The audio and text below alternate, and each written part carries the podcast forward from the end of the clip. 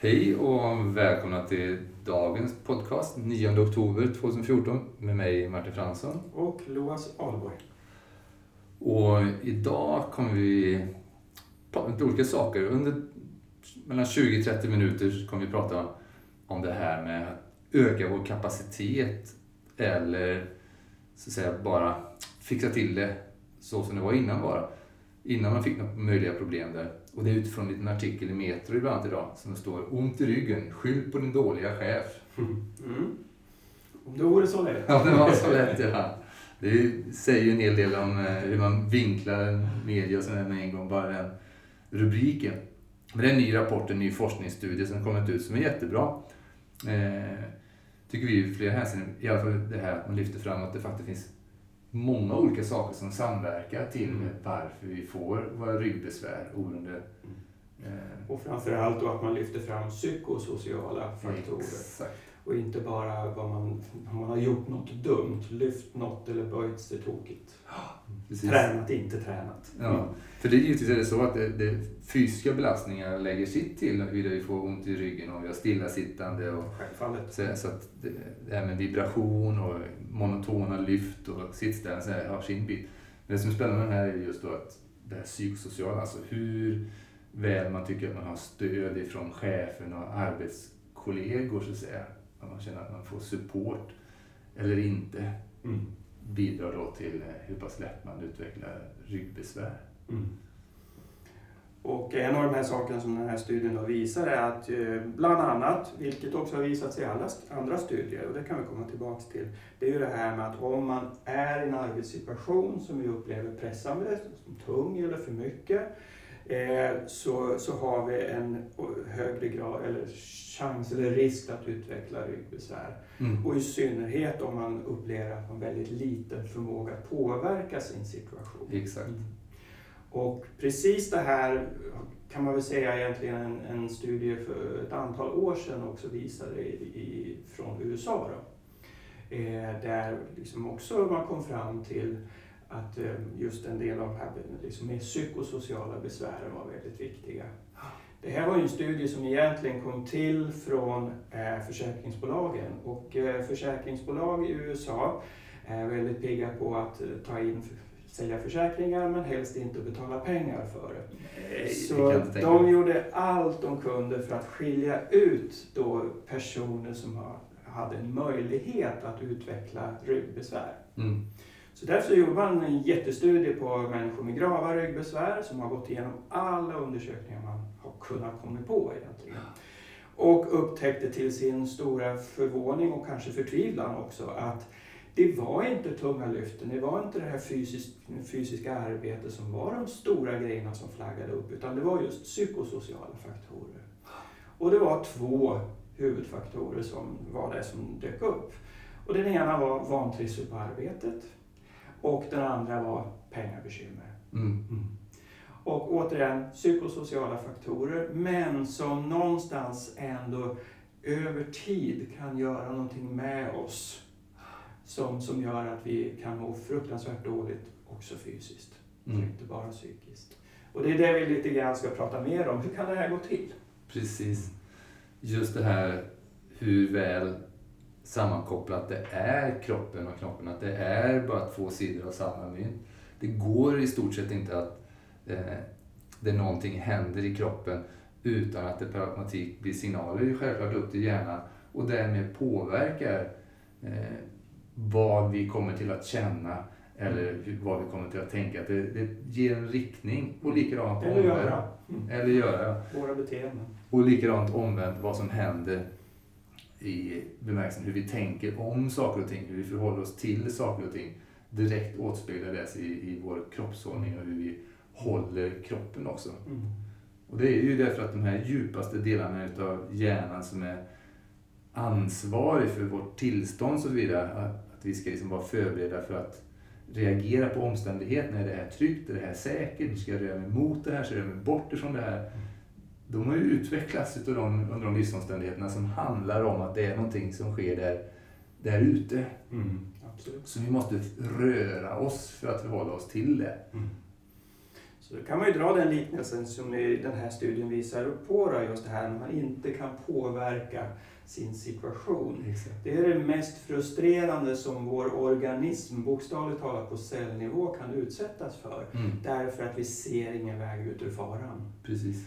Och det bygger mer och mer och längre och längre och eh, är något av det mest liksom, nedbrytande som vi kan utsättas för. Oförmågan att kunna påverka vår situation, påverka vår så att säga överlevnad. Mm. Och, och i, i sin, alltså att bli immobiliserad, rent fysiskt bli fasthållen så att man inte kan ta sig därifrån. Och det är liksom farofylld situation, man är fasthållen.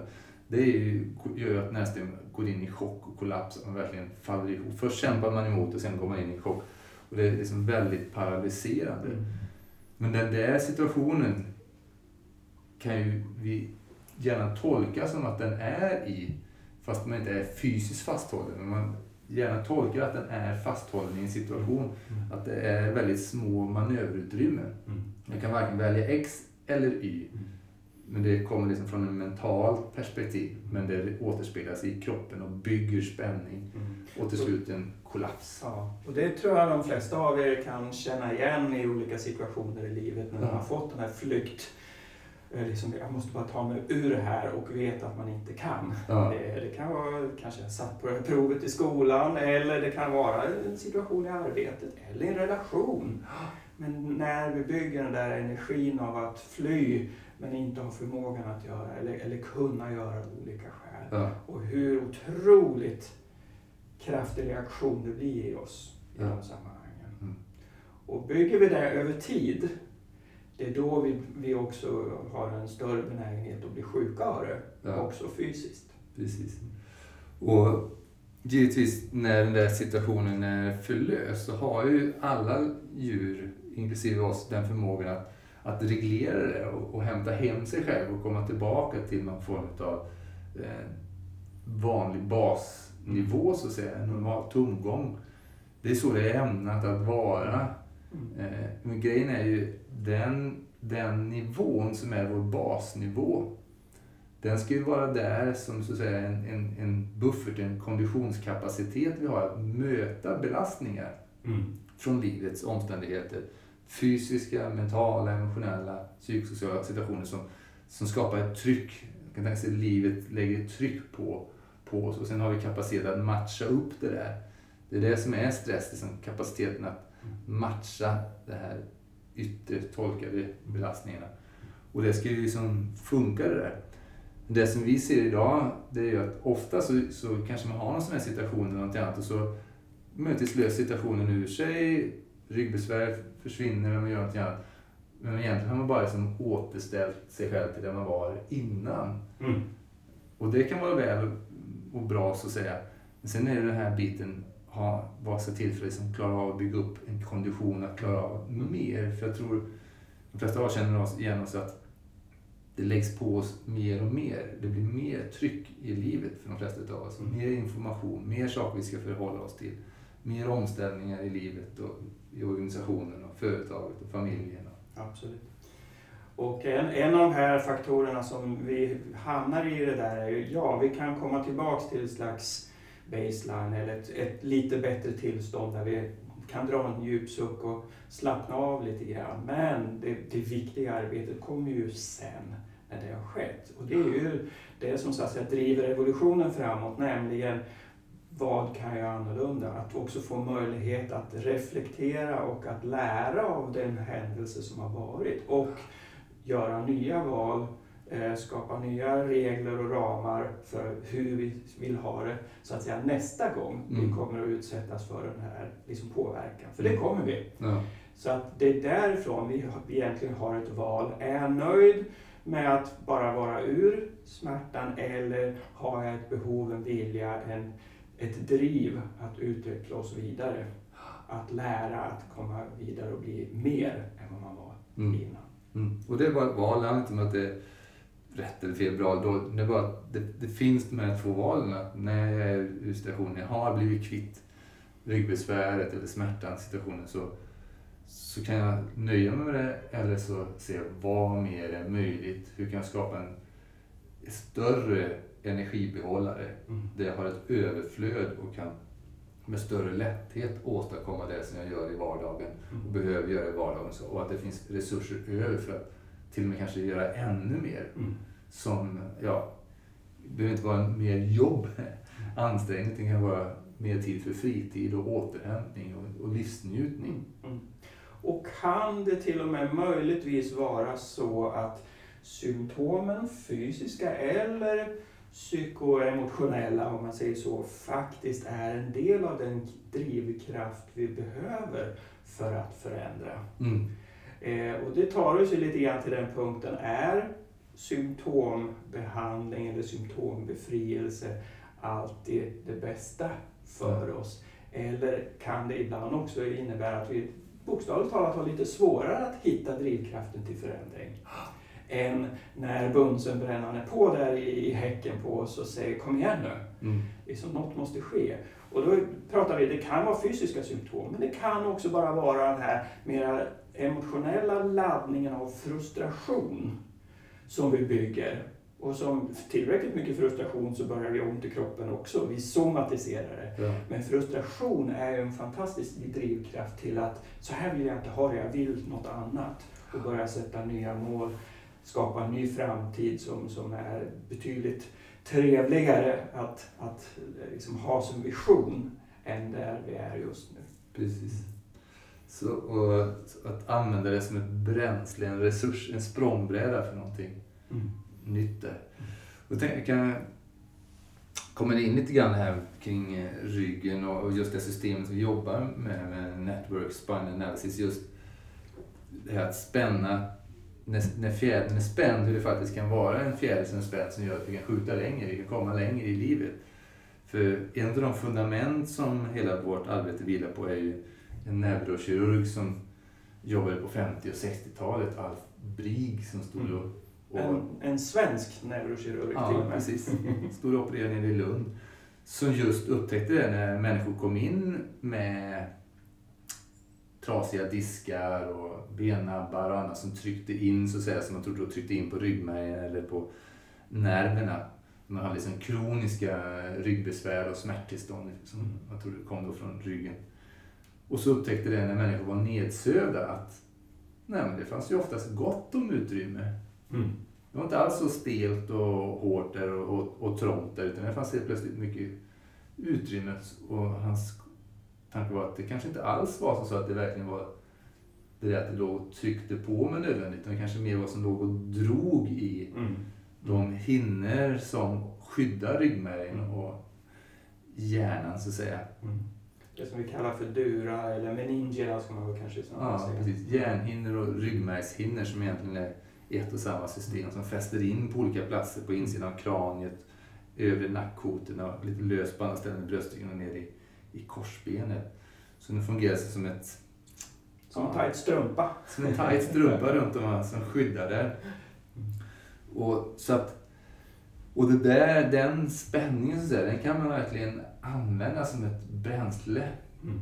för just att få till en, en förändring, att faktiskt utveckla nervsystemets potential. Man kan, så man kan spela på nervsystemet som en liknelse som man spelar på en lyra, där man stämmer strängarna. Mm. Absolut. Och det intressanta är ju också att eh, vi vet utifrån hans studier då, att eh, vår hållning har en otroligt stor påverkan på anspänningen i det här meningiala systemet. Eh, så att när vi går in i till exempel en hållning, eh, låt säga om vi är riktigt arga, när vi drar fram huvudet och spänner upp nacken, kröker upp oss, liksom, upp med garden, spänner bröstryggen. Det är en hållning som ökar anspänningen i det här meningesystemet otroligt mycket. Medan en mer öppen och avslappnad, armarna utåt, bakåt, eh, titta upp lite mot himlen, njuta av väder och vind och, och allting. Liksom. Det är en, en hållning som snarare är mer avslappnande för det här systemet. Mm. Så när vi går in i de här försvaren, anspänningar och sånt så finns det nästan som en kaskadeffekt som gör att det, meningesystemet reagerar och så förstärker jätterespons som vi redan är i. Ja. Så det försätter också nervsystemet in i ilska, frustration. Exakt. Så det är så att säga, två sidor på samma mynt. Precis. Så genom att bli mer flexibla i våra kroppar och vår möjlighet att hålla olika kroppsställningar och, och kunna variera och vara lika bekväm i, i alla så ser vi att det ger möjligheten också att vara än mer flexibel i vilka sinnestillstånd Mm. vi kan spela, vilka känslotillstånd vi kan spela med i livet. Vilka, vi har, att vi kan ha tillgång lika lätt till alla så att säga, situationer som Mm. kräver precis med så mycket som det, behövs en situation. Mm. Så vi brukar ibland säga att vår hållning det är också en ekvivalent eller väldigt lika med vårt förhållningssätt i livet. Ja. Så en rigid hållning som är då till exempel i ett speciellt sinnestillstånd som ilska eller vanmakt. Ja, Den skapar också ett inre, ett rigitt tillstånd som också motsvarar det.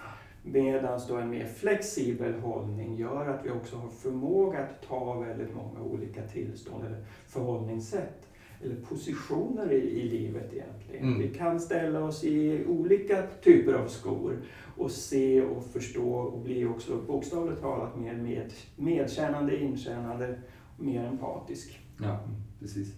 Och det är det som är intressant att ju mer får stöd, oberoende om det är med sådana insatser som vi jobbar med, Network Spine Analysis eller andra, oberoende vilken eh, eh, intervention, alltså insats där man gör någonting med systemet som, som gör att det utvecklar ökad kapacitet, ny förmåga, nya strategier som inte fanns där tidigare.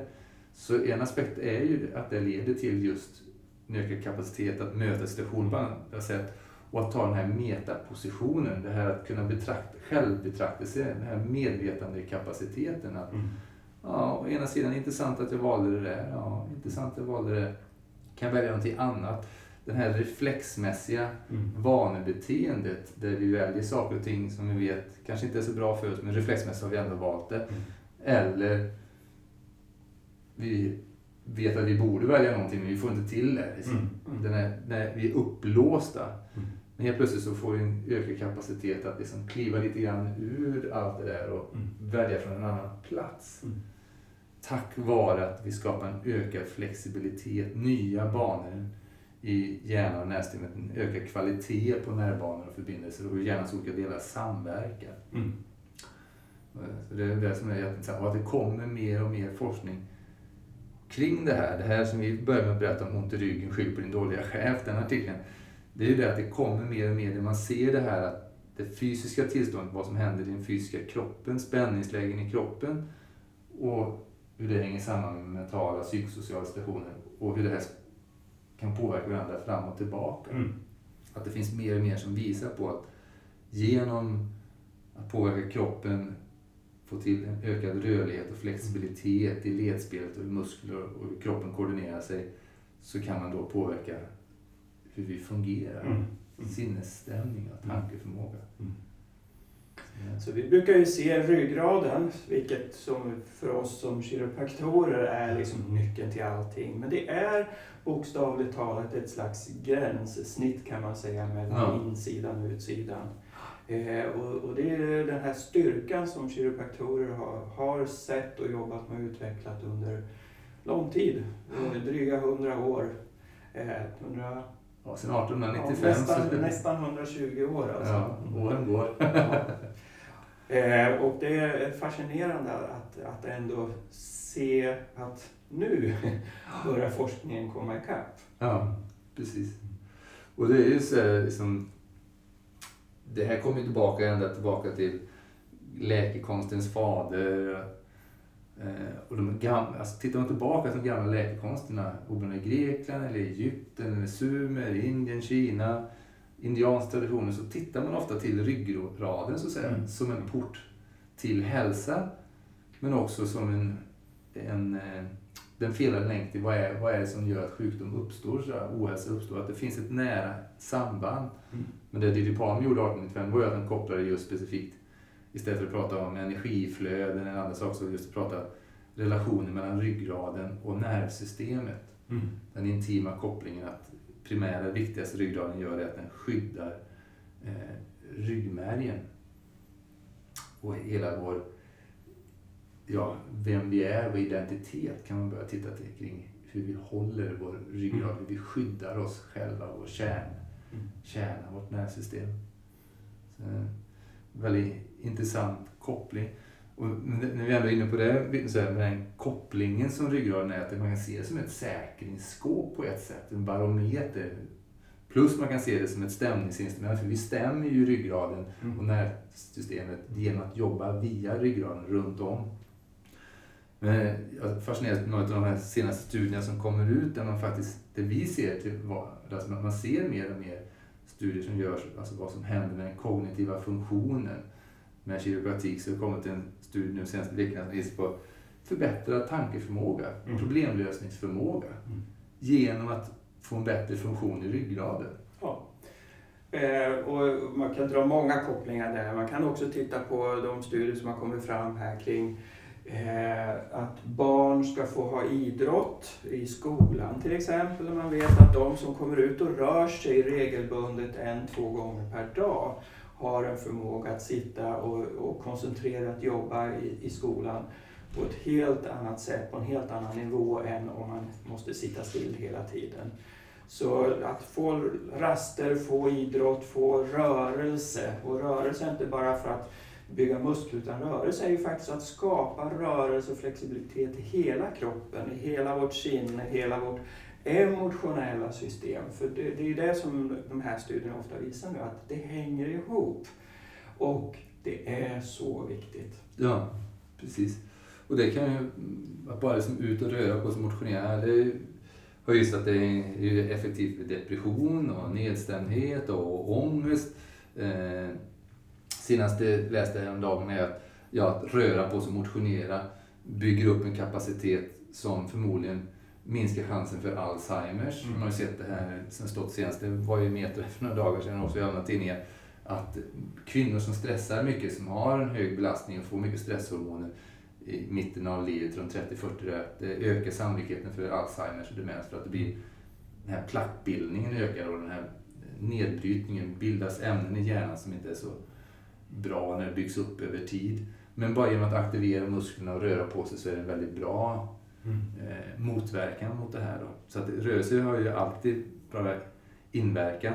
Men just den här specifika rörelsestimuleringen på rätt ställen där hjärnan nästan har låst upp sig, så att säga, där det har hakat upp sig. Det här vi gör det är att vi identifierar och hittar. Och det är det som är unika med kiropraktorn, att vi är liksom tränade på att just identifiera och hitta var potentiellt ligger störningsmomentet, det är det som är gnissligt i maskineriet, den här länken som gör som kärvar. Den som gör att det är som att kommunikationen mellan hjärnan och en, olika vävnader är som att det är liksom lite störning på det. Mm. Precis som man skulle höra, överhöra ett extra samtal som stör Mm. den där dialogen som du och jag har här nu. Eller för mycket brus. För mycket brus, ja. Precis. Och att kunna påverka den, och då kan man ju antingen gå in och, och hitta störningar, ta bort den, eller då som vi gör, att också jobba med att titta på vad är den goda signalen och förstärka den goda signalen, vad som då händer. På många olika planer. Eh, och en, Och det, det vi vet just när vi, som, vi, som Martin sa, jobbar på den goda signalen är att den främsta funktionen det har är ju för det första att rikta om vår uppmärksamhet från, från faran, från Exakt. hoten till det, det lugna, det stilla, det avslappnande, det trygga. Och det är liksom den absoluta grunden för att vi ska kunna eh, göra alla de här förändringarna som vi kommer att behöva göra. Mm. Jag ser det lite grann som att det är då vi återigen kommer i säkerhet, i trygghet i grottan framför elden och kan sätta oss ner och pusta ut och säga "Husch, det där var nära ögat. Det var farligt där ute men nu är jag inne i tryggheten och hur kan jag göra det bättre nästa gång? Det är då vi får det där ögonblicket eller en liten längre stund ännu hellre ja, där vi har förmågan att reflektera, lära och utveckla och låta evolutionen gå vidare lite till. precis. Så att vi bygger kapaciteten Mm. i vårt system att det är inte så farligt med chefen eller att kollegorna inte är runt. Att vi klarar av mer, vi har en större trygg, inre trygghet att Mm. hantera omständigheter. Oberoende om vi känner då att eh, vi inte får den supporten Precis. som behövs så kan vi ändå stå på egna ben mer än vad annars kanske var möjligt. Och det är ju också så att när vi är låsta i det här liksom försvaret, den här överlevnadsgrejen, frustrationen eller vanmakten, då har vi också väldigt svårt. Hela vårt system är liksom inne i egentligen ett överlevnadsläge. Spring eller klipp till, eller spela död. Ja. Men vi är inte i ett bra tillstånd för att egentligen ta kloka beslut i det här läget. Så därför så behöver vi det där in i grottan först. Och därifrån ta besluten. Så, så länge vi är låsta i det här tillståndet av försvar så är också alla våra så att säga, möjligheter oftast låsta i att bara liksom springa eller klippa till. Mm. Mm. Eh, vi har ingen flexibilitet alls i hur vi ska överleva eller hur vi ska komma vidare i det. Precis. Det är reflexmässiga beslut som sker från den platsen. Mm. Och, och det är ju väl och vi i olika- i vissa sammanhang så, säga, så behövs det. Men just det här att kunna ta och se, okej, okay, men väljer det här idag så är det bra närande för mig idag. Kommer det vara närande om sex veckor, om sex månader, sex år? Det här som Mm. unika kapaciteten som våra frontallob ger, att vi kan ha en möjlig framförhållning. Vad blir konsekvenserna när framme? Mm. Och att få med den delen i våra beslut utan att exkludera den andra delen som gör att det är bra just nu också. Mm. Eh, Få med hela systemet. där. Det krävs ju att alla delarna är trygga och kan samverka. Mm. Alla hjärnans Mm. utvecklingssteg. Mm. Och en av de saker som också har kommit fram i studier är just det där att vår frontallob, den här som Martin säger, har den delen av vår hjärna som har förmågan att, att titta både framåt och bakåt i tiden och relatera till hur var det sist och hur skulle jag vilja att det ska bli nu. Mm. Hur kan jag göra annorlunda? Vi väger för och emot. Alla de funktionerna. När vi är i försvar, i stress, så är den kapaciteten väldigt låg. Man har gjort såna här studier på hjärnan i, och liksom tittat på genomblödning och syresättning och allt det där. PET-scanstudier som de oftast kallas. Då, då man ser att blodtillförseln till frontalloben är otroligt dålig Ja. när en person är i ett stressat tillstånd. Medans när vi då går in i avslappning trygghet så tänds den igång igen. Mm. Och plötsligt så har vi kapaciteten att göra alla de här övervägandena. Både bakåt och framåt i tiden. ja, precis. Och det är det som är det som jag tycker är så härligt med det sättet vi jobbar just att den kapaciteten ju utvecklas just med det sättet. Hela, hela, alla de verktyg, strategier, tekniker, metoder som vi använder har det förhållningssättet att hur kan vi inte bara blott fixa till någonting utan faktiskt ha det som en trampolin för att utveckla ny förmåga. Absolut. En språngbräda till vad mer är möjligt. Mm. Det, det finns ett slags på-av i det hela, men när det är på så betyder det inte att vi kan allt. Utan det är en, en utveckling som vi, som vi går igenom. Så det är en utveckling för oss som människa och för oss att fungera bra i livet i en mängd olika situationer. Liksom. Mm. Precis. Ja, en liten genomgång som startade med den här artikeln som är ute idag. Ont i ryggen, skyll på din dåliga chef.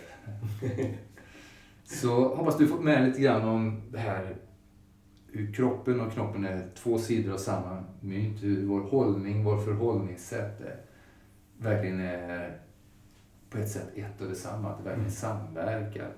Och flexibiliteten i våra kroppar och flexibiliteten i våra sinnen. Att det finns en sa- samverkan däremellan. Eh, Men vi är ju nyfikna att se vad du tyckte om den här när du lyssnar på den. Så skriv gärna om du ser den på Facebook eller du ser den här på podcasten, iTunes, var du än ser den. Finns det möjlighet att kommentera nedanför så gör gärna det så att vi kan eh, svara an och göra någonting som möter upp vad du vill höra mer om ännu mer. Mm. Och ställ gärna en fråga om det är Precis. någonting som du, ni, du, ni undrar över. Ja, Så kan vi utveckla det vidare. precis. Och du kan också givetvis om du håller privat mejla direkt till oss. Och skriv då podcast i ämnesraden och så skriv vad du vill ha, få svar på. Och så mejlar du till info, info at wellage.se. så kommer jag, eller Låse, svara på det. Vi är båda där. Så tacka för oss till nästa gång. Mm, tack ska ni ha. Och nästa gång kommer vi hitta något annat roligt ämnesområde beroende på vad som kan vara aktuellt där. Beror som på vad som står i Metro. Precis, eller något annat ställe. Eller någon annan bra tid. Precis. Tack för nu. Tack, tack.